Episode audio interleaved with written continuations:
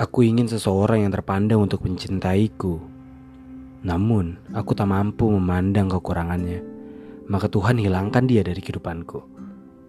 Aku ingin dicintai oleh seseorang yang kaya, namun aku tak mampu membuat hatinya bahagia. Maka Tuhan membinasakannya dari kehidupanku. Kau tahu kenapa?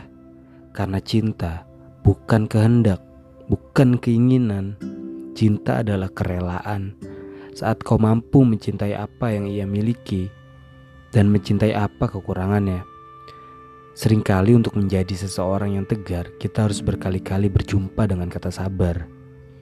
Terkadang, Tuhan mendatangkan hal-hal yang tidak kita inginkan untuk menjadikan kita seseorang yang mampu mencintai kekurangan.